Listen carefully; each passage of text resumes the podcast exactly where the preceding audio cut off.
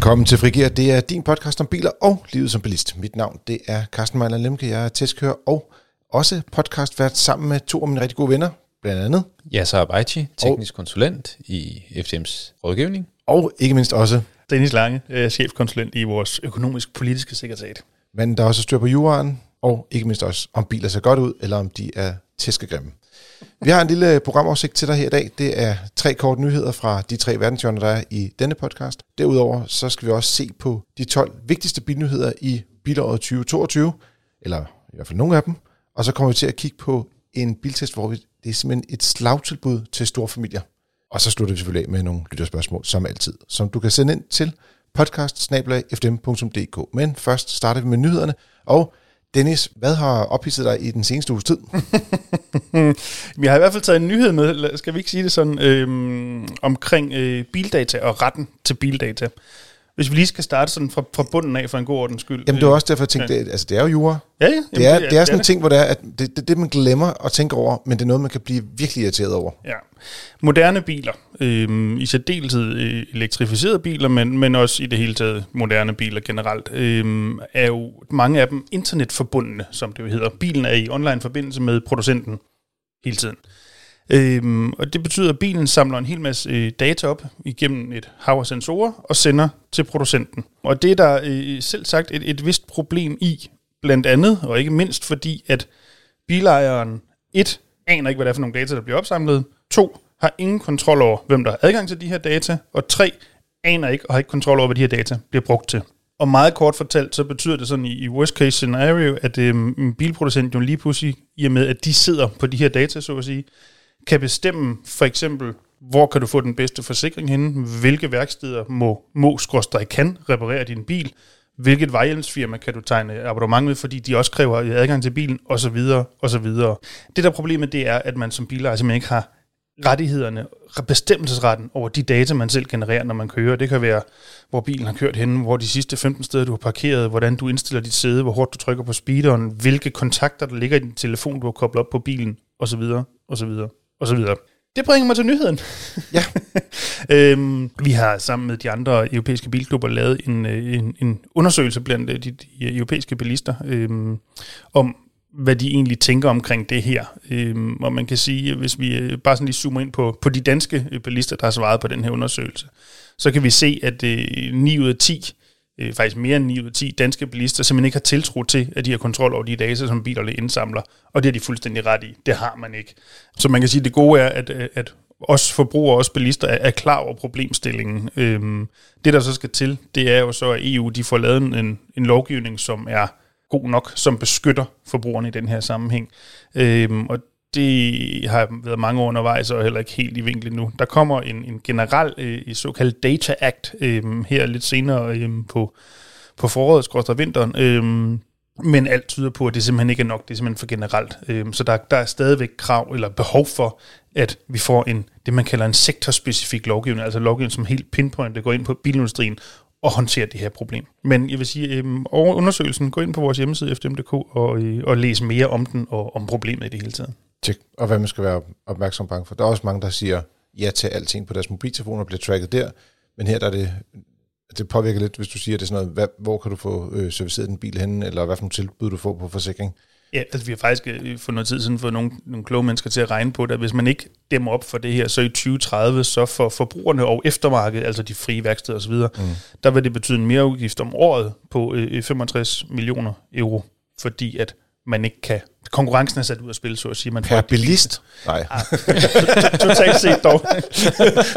jeg skulle bare lige høre. Nå, okay. ja, så jeg tænker, du har, du har været lidt mere et muntert hjørne end, end det her. Det er jo nærmest øh, depression. Øh, ja. depression. Ja, jeg synes, det var, det var, det var lidt det er jo, det er jo rigtigt. Altså det, det er noget, man skal forholde sig til. Jo. Ja, ja. Det, det er det helt sikkert. Og, og med alle de data, som vi, vi opsamler i bilerne, jamen så, så synes jeg, det er vigtigt, at, at vi i hvert fald siger, hvad er det her for noget? Hvem kan få lov til at gøre det ene og det andet? Det synes jeg er rigtig vigtigt. Ja, fordi der er jo ikke noget i vejen med at blive opsamlet data. Det skal bare være de rigtige, der rent faktisk har kontrol over det. Ja, altså bilejeren. Det er præcis. Men øh, jeg har en, øh, en nyhed med fra vores kære kollega Peter Clausen, som er vores øh, Motor Classic specialist øh, som har skrevet en artikel om, øh, om 16 bud på klassiske biler, som man kan købe til nogle billige penge. og det er faktisk, øh, det er faktisk øh, en, en, øh, en ting, som vi også ser i, i vores rådgivning, at øh, der er flere og flere, der begynder at kigge ind i og, og købe den bil, som var, hvad kan man sige, der stod øh, på, på gadehjørnerne, dengang man var knægt og så videre. Mm. Øh, og det er jo sådan noget, som vi ser, jamen jo, jo ældre dem fra for eksempel min generation bliver, jo, jo mere øh, bliver de biler, der var dreng, støvsuget fra markedet. Og, og så har Peter Clausen øh, fundet nogle, øh, nogle biler, 16 biler, mere specifikt, øh, som han har ligesom lagt op til, som kunne være interessante. Og det er lidt biler i forskellige klasser, og, og det synes jeg faktisk er en, man skal, en, en artikel, man skal gå ind og læse og se. Har du haft øh, nogle klassiske biler? Øh, jeg har haft biler, som er blevet klassikere, tror jeg. Ja. Jeg, jeg tror faktisk, at øh, jeg havde en øh, BMW M3 øh, i, fra, fra 87. Den havde jeg i... Oh, jamen, jeg tror, den var lige på kanten til at være klassiker dengang, om den var gammel nok til det. Men i dag er den jo sådan helt... Øh, altså, Den- der er den jo umulig. Jeg har set den til salg, den samme bil til 600.000. Det fik vi Ja. sgu ikke for den, dengang vi solgte den. Nej. Den, den skulle du have beholdt, siger Ja. du. Ja, det har jeg tænkt mange gange, men ja, det var, øh, ja, man kan ikke have det hele. Men jeg synes, det er meget sjovt, fordi de her biler, det er jo netop nogen, hvor det er, at det ikke er 600.000 kroner, eller hvis du øh, tænker, ej, jeg kunne godt tænke mig sådan en Ferrari øh, 250 GTO til 120 millioner kroner, det kommer heller ikke til at passe ind i mit budget. I De færreste specielt, faktisk. Faktisk, i går, der måtte jeg lige ringe til, øh, ja, øh, øh, FDM Forsikring, de har også noget øh, veteranforsikring, mm. og så tænker jeg, kan jeg vide, hvor meget det koster at forsikre en, øh, en Porsche Boxster? Ja. Øh, fordi sådan en kunne jeg godt tænke mig, den bliver faktisk klassiker, altså 25 år gammel nu. Ikke veteran, men klassiker. Mm. Og så bliver forsikringen lidt billigere. Og det var faktisk ganske, altså øh, i forhold til at det er en Porsche, Ja. meget overkommelig pris. Okay. Så, øh, og dem har jeg set til, til under 200.000 kroner. Så der var jeg sådan lidt, uh, Ja. jeg kan godt tænke mig en Porsche Boxster. Åh, Oh. det lyder Jeg sådan har altid drømt om det. Altså forstået på den måde, at du ender med at købe en. Jamen, kan du ikke få, altså det der med at køre ud i sommeren, vindet blæsende i håren, og så De den der Boxster. halv dag om året, hvor du rent faktisk er ved til det, men ja, ja. Den har også kun 2,5 liters motor, ja. så øh, den har 204 hestekræfter, er ikke specielt hurtige. Jeg havde jo også en drøm, og jeg købte jo også en uh, Mercedes. Det gjorde du? Ja, jeg, om jeg har taget billeder af den jo, en- og vi har haft en rapportage af den i Motor. Classic. En, øh, sådan en øh, 123, som jeg købte af, af øh, Statens øh, Museum for, hvad var det? Det kan jeg ikke engang huske, hvad, hvad hun var direktør for. Men jeg fik lov at købe hendes bil. En øh, 123, en, øh, en øh, lyseblå, øh, som ikke havde mere end 124.000 på klokken. Det var en flot bil. En 230e, altså ja. med mekanisk indsprøjtning. Og Gør den- det ikke lidt ondt ikke at have den længere? Jo, altså jeg satte den jo lidt i stand, og så, øh, altså den stod jo rigtig, rigtig fint, øh, og så, øh, Men den stod også bare. og så blev den veteran, og så blev den veteransynet, og så blev den rigtig billig at have, og så var der en, der sagde, at den vil jeg gerne komme ud og kigge på, bare fordi at han var i markedet for sådan en, så så kom han ud og kiggede på den, og så, ja, så fristede han den faktisk ud af hænderne på mig. øh, og så, øh, men det var også fint. Altså, jeg tror, jeg tror, han har fået meget mere glæde af den bil, end jeg har, fordi jeg formåede på tre år at køre 100 km, ikke? Altså, Og, og, og det var inklusivt, da vi var ude tage billeder af den. det var inklusiv, da vi var ude til billeder, og det var inklusiv, da jeg skulle øh, køre over og få den synet og ha- have nogle ting og så videre. Ikke? Så jeg, jeg tror reelt har jeg kun kørt to ture i den. Så du mest af alt åbnede garagen på den og sagde, nej, og så lukkede igen. Ja. Ja. Ja. Eller øh, skruet på den. Ja, jo, jo. Altså, øh, Peter han har også fundet sådan et øh, forslag ud, og vi har slet ikke aftalt noget på forhånd her, så bare lige, nu kaster jeg lige under bussen, men giver jeg lige et par sekunder til at finde en af de biler, som jeg synes, er- der var interessante. Jeg kan afsløre, at der er en V10-bil iblandt. Desværre hedder det en Camry V10, så, så er det ikke noget med motoren at gøre. Mm. Så den røg ikke på min liste. Jeg vil sige, der var en af bilerne, som jeg virkelig har gået og drømt om, og det er en øh, Folkevogn øh, Golf type 1 Cabriolet. Mm. Øh, den blev produceret fra, fra 79 og så helt frem til 93, og jeg kan huske, der i, i slutningen af perioden, der havde den sådan nogle fede Karman, øh, skal man sige, kit på, mm. og der kendte jeg en, der, der havde sådan en, og jeg synes bare, den var så fed. Der, altså. står en, øh, der står en hjemme ved mig øh, hos en, en lokal øh, mekaniker. Den står indendørs. Det kan være, du skulle øh, gå ud og kigge på den. Men, og, og jeg vil sige, men lidt afhængig af, hvor gammel det er, og hvor fede det er, jo, jo dyre bliver de også. Jamen, det Så, hænger jo sammen. Og det, og det er jo det, som hele den her artikel handler om. Jamen, Ja. ja. Den handler om, at hvis den er plum og råden, og den skal have lavet rust for en milliard million, skulle jeg Ja. til at sige, jamen så bliver det billigt øh, at købe. At købe. Men ikke, ikke billigt øh, i, Et, en af de tilfælde, hvor det ender med at blive dyrt at købe Lige billigt. præcis. Præcis. Ja. Altså, det vil sige, generelt set, må man sige, med, med klassiske biler, med mindre man selv er, øh, skal man sige, bladsmed eller øh, mekaniker af guds nåde, øh, som du, Jasser, så, øh, så skal man øh, købe biler, som er i god stand til at starte med. Mm. Det er, man, man kan ikke rigtig spare sig til at købe en billig bil i virkeligheden. Er der nogle af dem, som der I, I er sådan lidt faldet over måske. Altså ja. jeg faldt ikke, fordi det på nogen måde egentlig jeg overhovedet nogensinde ever kunne forestille mig at købe, men, og, og det hænger lidt sammen med, man føler sig jo gammel, når man ser sådan en oversigt. Forstået på den måde, når man, man begynder synes, at nå det... en alder, hvor de biler, man kan huske som helt normale biler, da man var barn, lige pludselig bliver klassikere og veteraner. Så, ikke, ikke bare klassikere, men veteraner. Ja, det, det, er jo et udtryk for, at der er gået nogle år, kan man sige. Ja. Øh, men den, der, der fangede mit øje, øh, mest fordi den kan jeg huske, der kørte en milliard af, da jeg var barn, øh, Citroën BX, øh, ja. som er altså, en super fed bil at se på, øh, som jeg vidt jeg husker øh, på ægte Citroën, men jeg overhovedet ikke var særlig holdbar dengang, og sikkert heller ikke ja. stadigvæk. Øh, men flot bil, øh, og jeg kan huske den. Det er det, der ja. i virkeligheden trigger det. Mm. Det, det, det, er, det er også en bil, der virkelig skiller sig ud, og mm. også i sin samtid, kan man jo sige. Ja, jeg kan huske, den var i sådan en, jeg kan ikke huske, om den hed GT-udgave, men oh, den der ja. afdækning af bag en, havde en lidt mere stejlere vinkel, så den så noget mere sådan hissig ud. Den så fræk ud. Ja, det gjorde mm. den. Ja. Cadet C Coupé. Wow.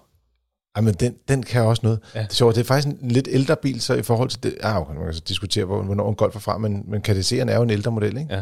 Den er fed, også fordi den har baghjulstræk. Ja. ja. det, det, det, det, er jo totalt, det kan noget. ja, ja, det, det, det kan noget. Og den har verdens mindste kobling, som tager øh, 10 minutter at skifte. Totalt fedt. Det, det, det, det er noget, som øh, mekanikeren han er glad ved. Ja, ja. Var det ikke også den, som jeg husker? Den var jo gammel allerede, dengang jeg var barn. Øhm, men var det ikke også sådan, i hvert fald på de mere sparsomme motoriserede, den åbne motorhjelm, så kunne der godt ligge to af den størrelse motor ned. Ja, eller tre. Ja, ja. Lige præcis. Der, Apropos, der, du siger, at koblingen var lille, det var ja, resten også. Ja, der var, der var i hvert fald øh, rigelig plads til at arbejde på. Ja, det ja. var der. Jamen, øh, hop ind på øh, fdm.dk og læs øh, artiklen der, men øh, hvis du er, du vil have det fulde udbytte, så skal man selvfølgelig som altid gå ud og finde Motor Classic på en, øh, en stander nær dig, hvor det er, at du kan finde øh, det her smukke magasin, eller købe det på, på vores hjemmeside. Jeg har taget en nyhed med, øh, som han skulle næsten sige, at det er et nyt bilmærke, Alfa Romeo. det skulle man næsten tro, ikke? Øh, der er gået usandsynlig lang tid siden øh, Alfa sidst kom med en bil. Og, øh, og de havde Julia og Stelvio, der ligesom øh, er dem, de sælger i øjeblikket, og de er sådan lidt høj og lav udgave af samme bil. Øh, ved det, ja, og når du siger sælger, så er det jo ikke i store antal. Nej, tror jeg øh, godt udleverer eller øh, giver væk. Øh, og så Viser frem med jer til. Så for tre år siden, så viste de en konceptbil, der hed Tonale, og, og, og den skulle, øh, det er sådan en SUV også, øh, lidt mindre øh, end øh, Stelvioen, og øh, ja, altså den, den har simpelthen bare trukket ud, øh, før de ligesom kunne komme frem med den rigtige variant og den rigtige motorydelse og alting. Øh, og nu kommer den så med en, øh, en ja, plug-in hybrid med 275 hestekræfter. Og øh, det, som der slog mig allermest, det var, øh, at det er Søren øh, W. Rasmussen, der har, ligesom har været til, til presmøde med Alfa og fået lidt info omkring den her tonalmodel.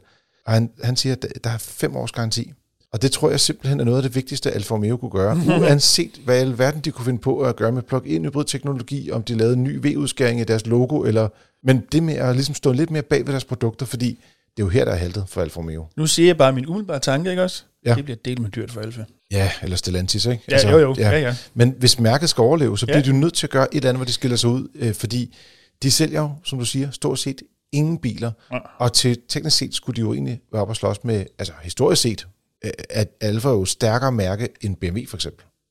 Altså hvis du går tilbage mm, i tiden, ja, ja, ja. altså i 60'erne eller før den tid, der var altså, det var jo kæmpe, altså det var et kæmpe mærke.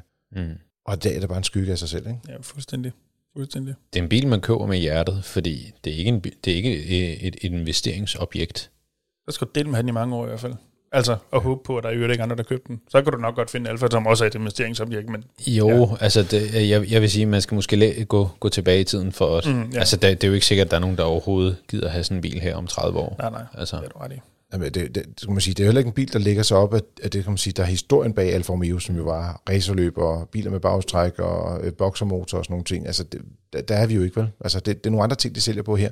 Til gengæld kan man sige, at den kommer ind i et marked, hvor der er, der er rigtig mange firmabilskunder, og øh, der er mange firmabilskunder, som måske også gerne vil skille sig lidt ud og have en, en lidt anderledes bil, end bare at have endnu en øh, øh skal man sige, BMW X1 eller øh, Audi øh, Q3. Altså, det, det er jo det segment, den går ind i, Volvo XC40, ja. og skulle det også være, ikke? Men lige der, der synes jeg faktisk, med forbehold for, at jeg kun har set den på billeder, og det kan se anderledes ud, når man ser den i virkeligheden og så videre, der synes jeg faktisk, at de har et problem med tonale her. Modsat til Stelvio, som virkelig er en smuk bil, som også skiller sig ud. Den er meget godt designet. Mm.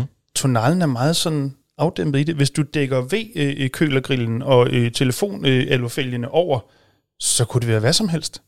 En 6.5'er eller Et eller andet. Et eller andet. Altså, man det, kan godt se, hvis du kigger, også hvis du tager, tager den, lige- det der billede, som er sådan lidt skråt bagfra, men hvor man lidt mere ser siden.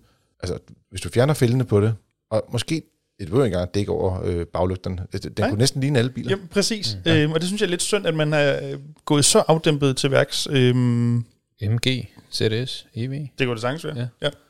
Wow.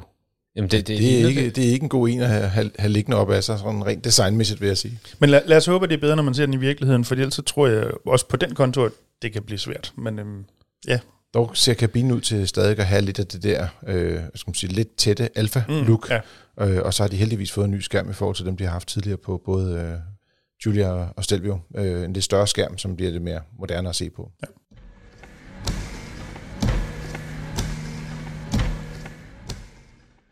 Vi har også en nyhed i den her uge, øh, som handler om øh, det labre dosin, som øh, Torben Arndt så øh, kægt har kaldt det.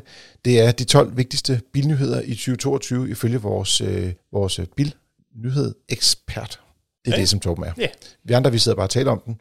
Øh, og for et par uger siden, der havde vi jo faktisk øh, en artikel om de 120 ny- bilnyheder, der var, øh, hvor der ikke var noget udvalgt til det, men hvor vi tre vi ligesom kunne vælge tre varianter ud.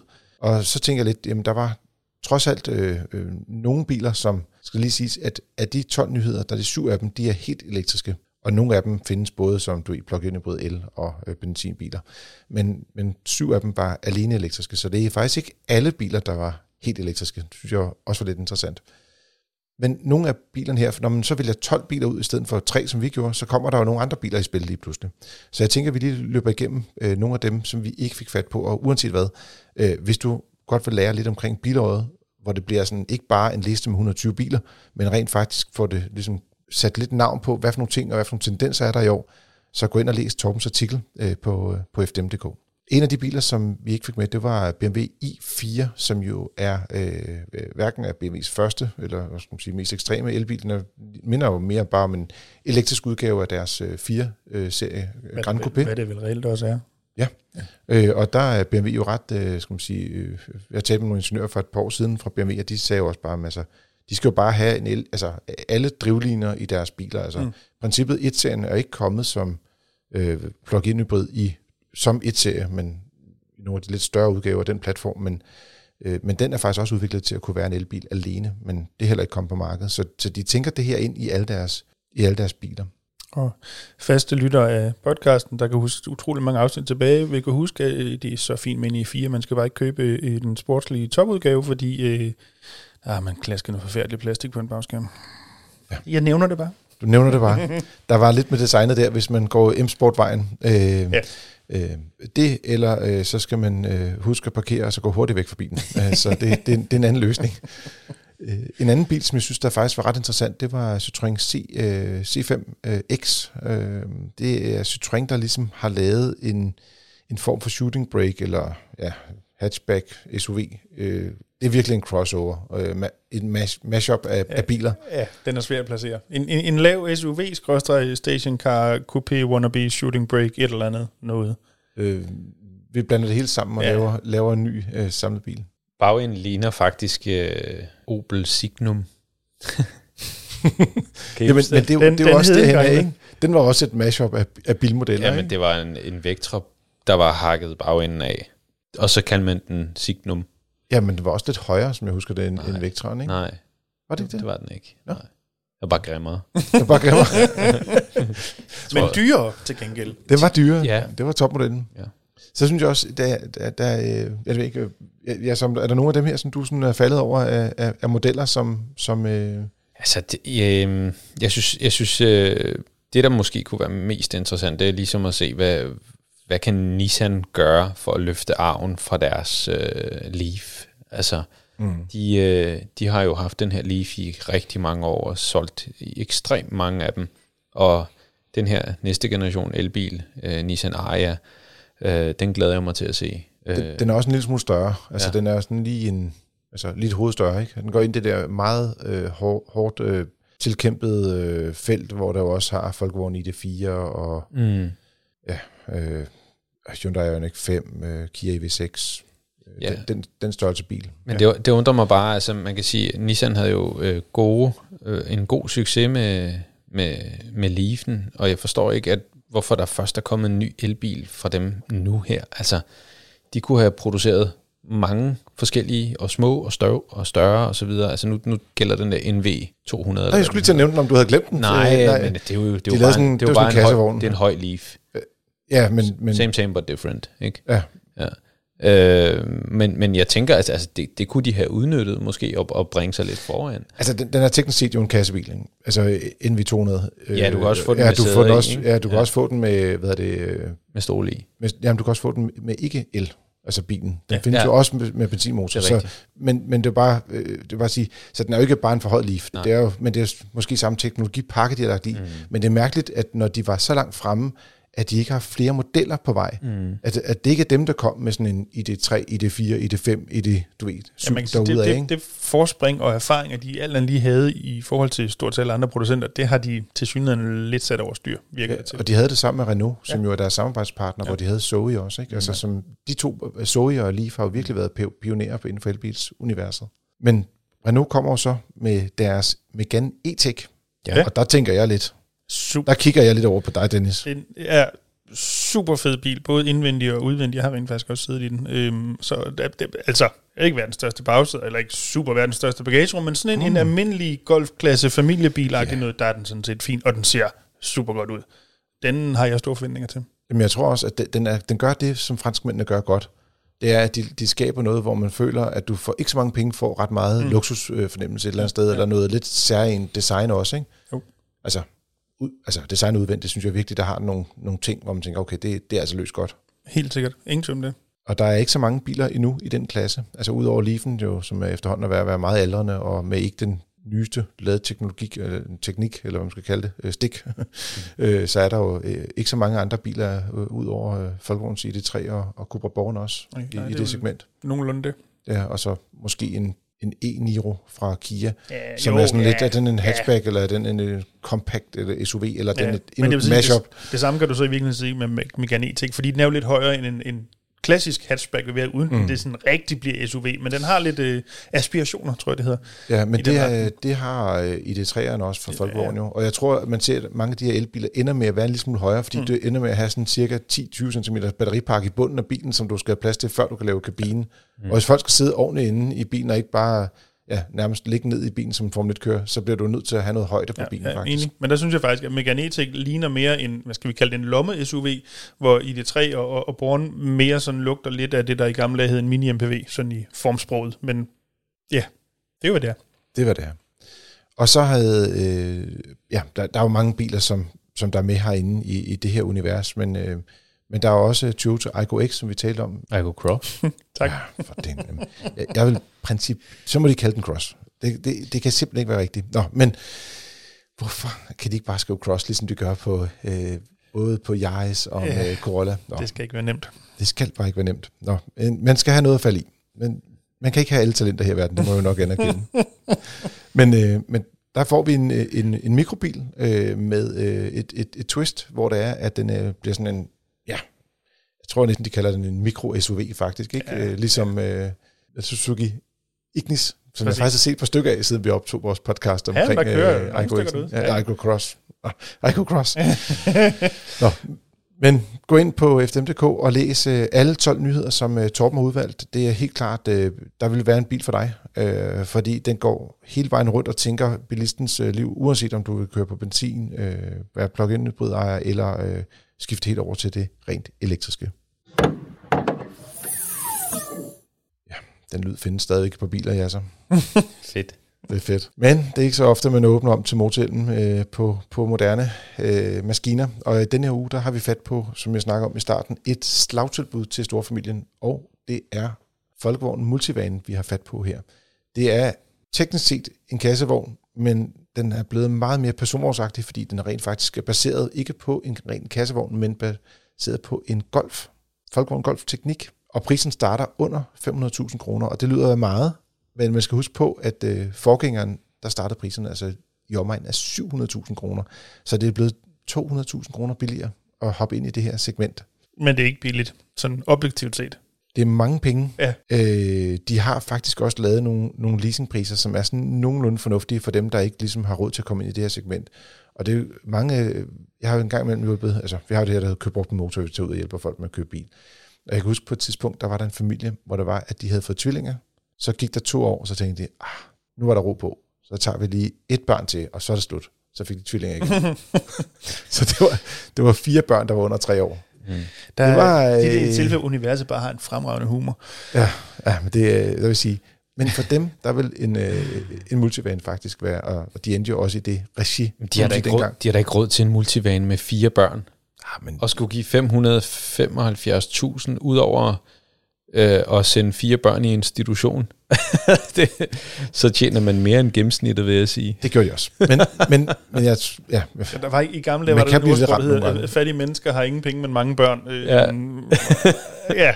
Men der er også mange, øh, hvis man lægger mærke til det, rige mennesker, som har mange børn. Jo, jo, jo. I hvert fald, øh, hvad jeg sådan lige har sådan kunne spotte, i, i, øh, når jeg går rundt ned og kigger i Irma, når jeg går rundt i de rige områder. Så går de altid med en hale af børn efter sig. jeg handler i Irma. Ja, ja. Ej, det var bare for at fortælle en eller anden underlig historie. Jeg, jeg kender nogle øh, mennesker, som er sådan lidt mere well-off, og øh, jeg synes, der er mange af dem, der har, der har fået flere børn, fordi de har mulighed for det også. Men uanset hvad, hvor rige man er, så er det her i hvert fald en mulighed for at få en, øh, en stor øh, skal man sige, bil øh, til rimelig fornuftige penge. Og jeg ved godt, du, du, du er lidt efter det, ikke Dennis? Altså 500.000 frapris, og før du begynder at få udstyr i, og der er slet ikke syv sæder i til de penge og sådan noget. Men ja, hvis det, du kigger på, hvad konkurrenterne koster, altså Ja, jeg, og jeg vil lige sige, hvilke konkurrenter, altså der er, jo, der er jo ikke særlig mange efterhånden. Nej, altså vi havde en Renault uh, Traffic uh, inden for nylig, sådan, uh, som er Renaults uh, kassebil, mm. og som i, så også med, var med sæder i, sådan hed Space Class, fordi så skulle være lidt mere luksuriøst, ikke? Uh, og, og med uh, lædersæder bagved, uh, så kostede den 860.000 kroner. Og det er altså en Renault med dieselmotor, ikke? Ja, fuldstændig sindssygt. Så, så det er også der, hvor man begynder sådan at kunne sætte det lidt i perspektiv og sige, okay, den her variant, vi har testet, eller tager udgangspunkt i, den hedder Style, den koster 575.000. Det er mange penge, men det er ikke 860.000, vel? Nej, nej, Jamen, det var altså. Øhm, altså, der var jo for, det er jo efterhånden snart mange år siden, men ikke de der deciderede minibuskassevogn ting, men var der jo de der store MPV-typer, øh, mm. Øhm, for dels S-Max og, hvad hedder den store, den hedder Galaxy. Galaxy. Mm. Øh, Volkswagen-gruppen havde nogle, nogle varianter af den også. Øh, Seat Alhambra. Ja. ja. Mm. Citroën havde der, altså dengang hed den Grand Picasso, og nu hedder den vist nok Space Tour, som nej, nok nej, men den, den der var større, hed C8. Altså de havde, der, der var også en generation, der hed C8. Ja, det, det er øh, rigtigt. Det er Peugeot rigtigt. Ja. 806, ja. og øh, der fandt også både ja, Men dog Grand Picasso kunne du også få en, en syvsædelse. Altså der kunne du også sædmæssigt ja. opfylde mm. det behov. Og Grand Scenic. Også den, ja. Men, men, men stort set alle de her modeller, de er jo Men de er bare mindre. Forsvundet. Jo, altså, jo, men, men man kan sige, hvis dit Nej, men jeg vil bare sige, hvis du går ud og gerne vil have øh, fire autostole i en bil, så begynder du at have rimelige problemer. Mm. Øh, fordi at jeg har set på, altså mange brugte biler, og en del af de her biler har jeg også sjovt nok været ude at kigge på. Mm-hmm. Så man skal, altså hvis du vil have den der, hvor det er, at du har et separat sæde mm. til hver enkelt plads, mm. øh, altså, der skal man stort... Minibussen. Den reelle minibussen, minibus. Og det er det, den er. Ja. Mm. Altså, og, og, og den her multivan er jo faktisk... Altså, det er jo så også en plug-in hybrid. Så det betyder, at den kan kun trække 1600 kilo, hvor en almindelig, skal man sige, den gamle generation af, af den her multivan eller transporter 6.1, øh, den må trække 2500 kilo. Så der, der er nogle steder, hvor den ikke kan helt det samme. Og man må også sige, at vi kørte 28 km om vinteren dog, øh, og rækkevidden vil være længere om sommeren, med 28 km på en opladning, og altså, der må man bare sige, når du kommer med sådan en kasse der, det kan godt være, det er golfteknik, men selve formen er jo stadigvæk kummenfryser øh, i størrelse mm. XXXX XXL. den er kæmpestor, ikke? Altså. Det, det er ikke... Um, altså, jeg det er ikke for strømdelen, man skal købe den som plug-in hvis man kan sige det sådan. Nej, det, og man kan også sige, at det her, hvor den bliver øh, lidt øh, til, grund, altså, til gode set i, i det afgiftssystem, vi har nu, der får den jo en eller anden form for øh, afgiftslettelse med den, øh, skal man sige, de officielle tal, den har i ja, hvert fald. Ja, ja, ja. Jeg tror ikke, det bliver en stor sælger, hvis jeg skal spå noget. Nej, tror jeg ikke. Det har du stille aldrig ved. Men det kan jo være, der er heller ikke alle, der har øh, brug for plads til, øh, skal man sige, fire øh, eller fem børn, øh, skal man sige. Det, men der kan jo være nogen, der også, øh, skal man sige, øh, familier, der er flyttet sammen. Du ved, det kan være en stor familie, hvor, man, skal man sige, hvor det hele er egen avl, men det kan mm. jo også være to familier, der mødes, og så kan du hurtigt komme op på at have et behov for, for, for mm. fire pladser om bagved, eller fem. Mm. Øh, jeg vil sige, en ting, jeg synes, der var lidt øh, ærgerlig, udover at Folkevogn øh, kun har to års garanti, og det er jo lidt irriterende, når man har sådan noget teknik, der er super kompliceret, så vil man hellere have noget mere garanti. Ja. Enig? Så synes jeg, at bagagerummet var faktisk lidt skuffende. Det var sådan, at vi har sådan en, en sådan en kabinekuffert, man må tage med op i, i fly, øh, som vi bruger til foto. Og den kunne ikke ligge på, altså på den lange led i bagagerummet, når man sådan skubbede den ind. Den skulle ligge på, altså på tværs. Og så må man bare sige, du kommer med sådan en bil, der er sådan kæmpe, kæmpe stor. Øh, så kunne du selvfølgelig skubbe sæderne frem, men så fjerner du også øh, øh, lidt af benpladsen inde i selve kabinen. Ikke? Mm. Så hvis man skal bruge de syv sæder, så vil jeg anbefale, at man vælger en lang udgave. Det koster 13.000 kroner ekstra. Det er meget lidt at betale for rent faktisk at få et bagagerum, øh, der, der så vokser op til næsten 700, kilo, øh, 700 liter. Så det vi nærmer os, det er, det er bilen til folk med øh, rigtig, rigtig mange penge, utrolig mange børn, som jeg aldrig rigtig har noget med. Og Hvad mindre som, man vælger de lange. og som ikke har brug for garanti på en bil til knap 600.000. Og som gerne vil have en, der, der lugter lidt af strøm, men ikke rigtig har tænkt sig at bruge det sådan noget, for den kan det ikke alligevel. Ja, men du kan jo stadig godt, altså det kommer an på, hvor langt man kører til hverdag jo, men du Jo, jo, jo, kan jo bevares. rent faktisk godt få den til at køre, altså vil sige, hvis den kører øh, 28 km, hvor vi kører motorvej, landevej og bykørsel, mm. øh, om vinteren, hvor det er, hvad skal man sige, øh, øh, omkring 0 grader, mm. så vil jeg sige, så, så går det jo kun bedre. Men det er klart, hvis du ligger og pendler 100 km hver, hver uge, så, øh, så er det ikke øh, den bedste løsning. Jeg prøvede lige at måle den, da jeg lå og kørte omkring 110 km i timen på motorvej, og der lå forbruget sådan mellem 10 og 11 km på literen. Og altså, med den størrelse bil er det faktisk ikke slemt. Man kan godt sidde og grine lidt af 10 km literen, det er jo ikke imponerende, men det er jo også en kæmpe bil jo. Jo, jo, jo. på, ikke? jo, jo.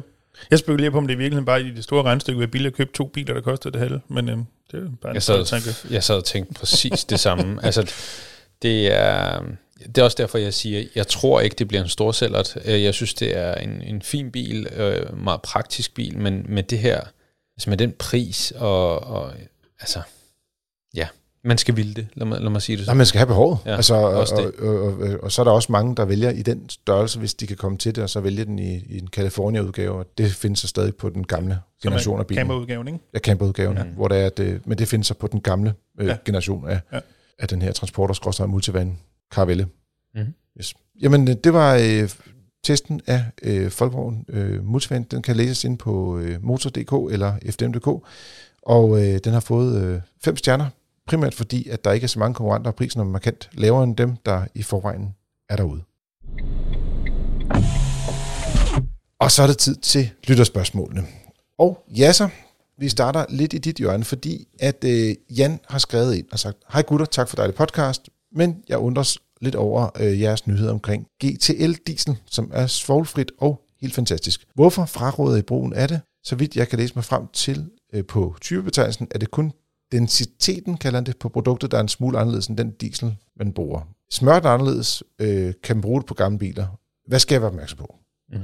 Og det er jo, jeg går ud fra, at det er et spørgsmål, I også får en gang imellem inde i jeres afdeling med teknisk rådgivning. Ja, det er det. Øh, vi får jo øh, spørgsmål, fordi der altid florerer et eller andet på de sociale medier, og så øh, for ligesom at sige, hvad er op og ned, så en gang imellem, så får vi et opkald eller en mail.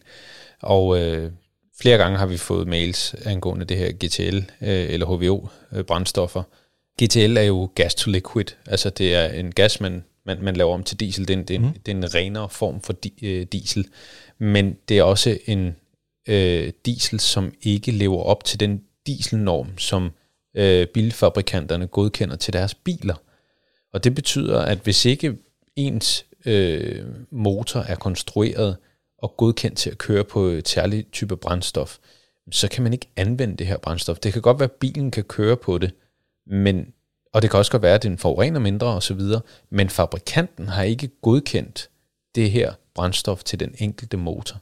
Så derfor så, så går vi jo ud og siger, jamen det er fint og flot, og vi vil selvfølgelig alle sammen gerne øh, have øh, Mindre forurening. mi- mindre ja. forurening ja. Og, og, og brændstoffer, som er bedre og renere, og sådan, så vi også kan, kan, kan indånde ren luft. Men hvis fabrikanten ikke har godkendt det, og tro mig, hvis en fabrikant øh, kan øh, godkende deres motor til at køre mere grønt, Så gør de det. så gør de det. Tro ja. mig, det vil de gerne gøre. Så Og man kan vel sige sådan helt lavpraktisk, øh, øh, småjugagtigt noget.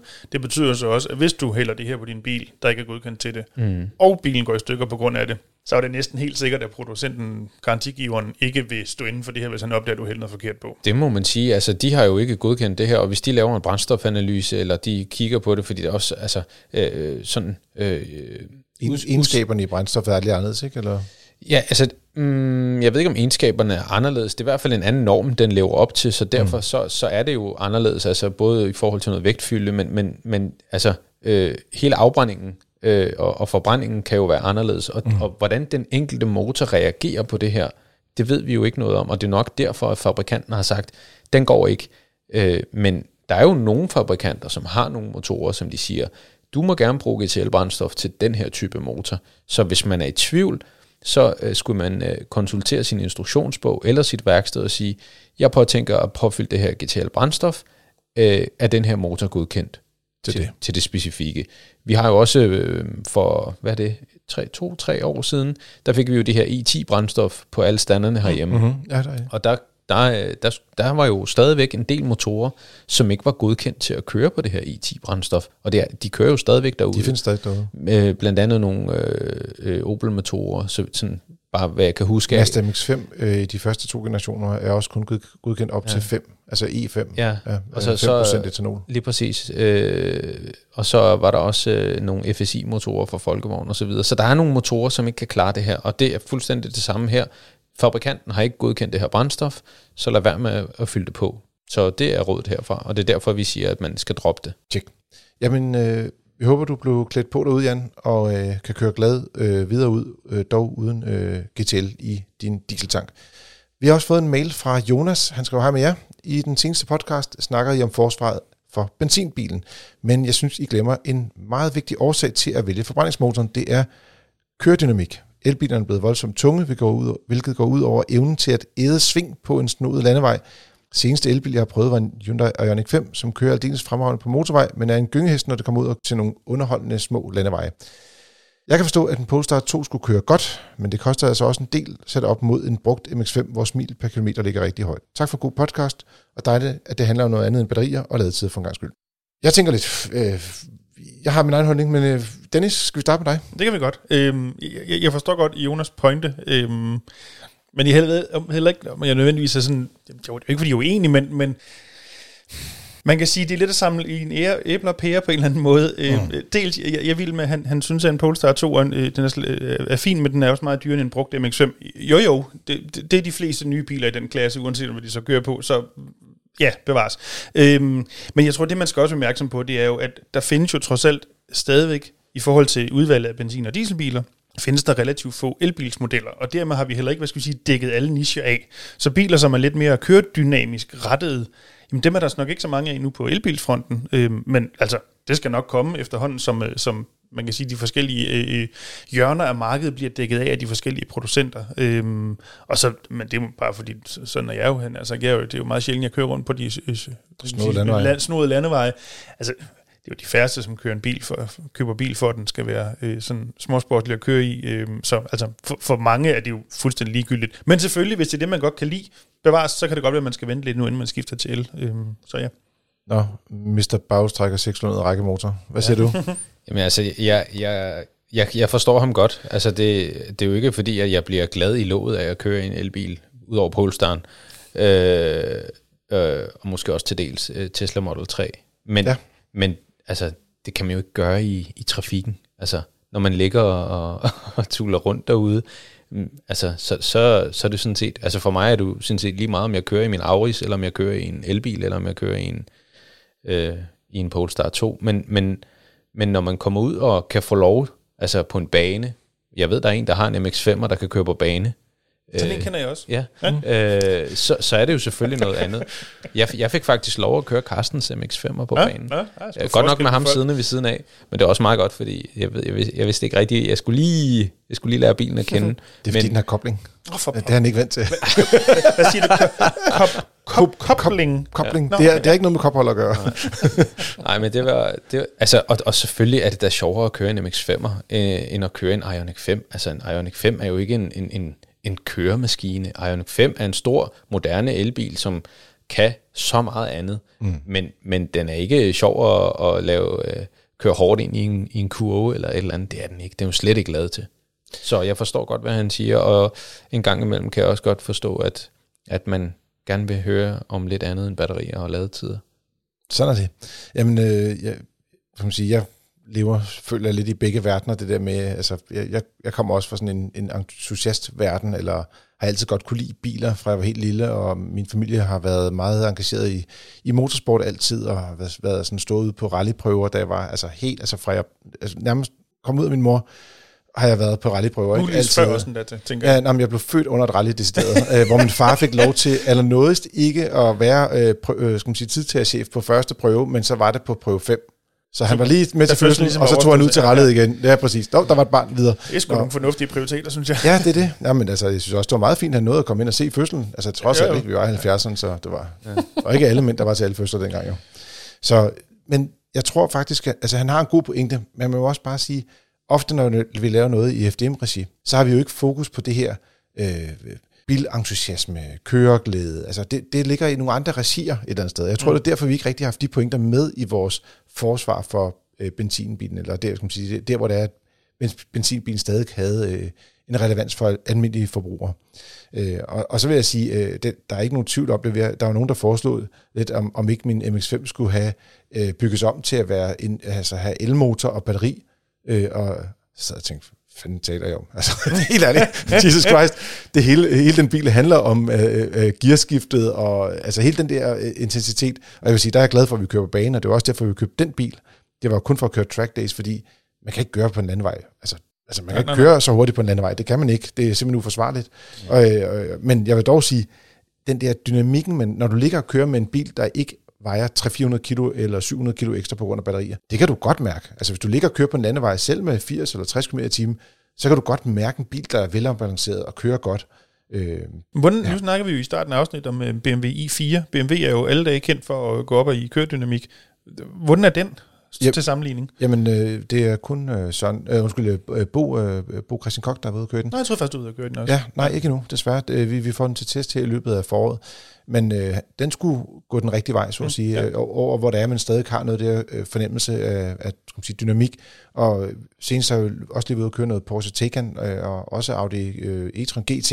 Og de to biler har i hvert fald også et, den der fornemmelse af noget lækker øh, indstyring i sving og sådan nogle ting. Mm, ja. Men men de vejer stadigvæk 700 kilo mere end en bil, ja, øh, det er jo der ikke har et batteri. Ikke? Selvfølgelig, hvad lige vil sige. Øh, så, så, ved det, så jeg kan godt se den der, øh, men jeg tror bare, vi ikke har den med, fordi at vi er mere fokus på hverdagen, og ikke så meget fokus på weekenden og, og, og man sige, den der øh, køreglade del af det. Men, men det er godt, Jonas, hvis, hvis du ligger øh, glæde i det, øh, også lidt som mig, øh, så, at, så ved du også, hvor du kan finde det henne i en MX-5. Det var det, han har skrevet jo. Mm, ja, ja, ja, ja, ja, det, det, var det, det var Men der findes også mange andre sjove biler derude, så husk det.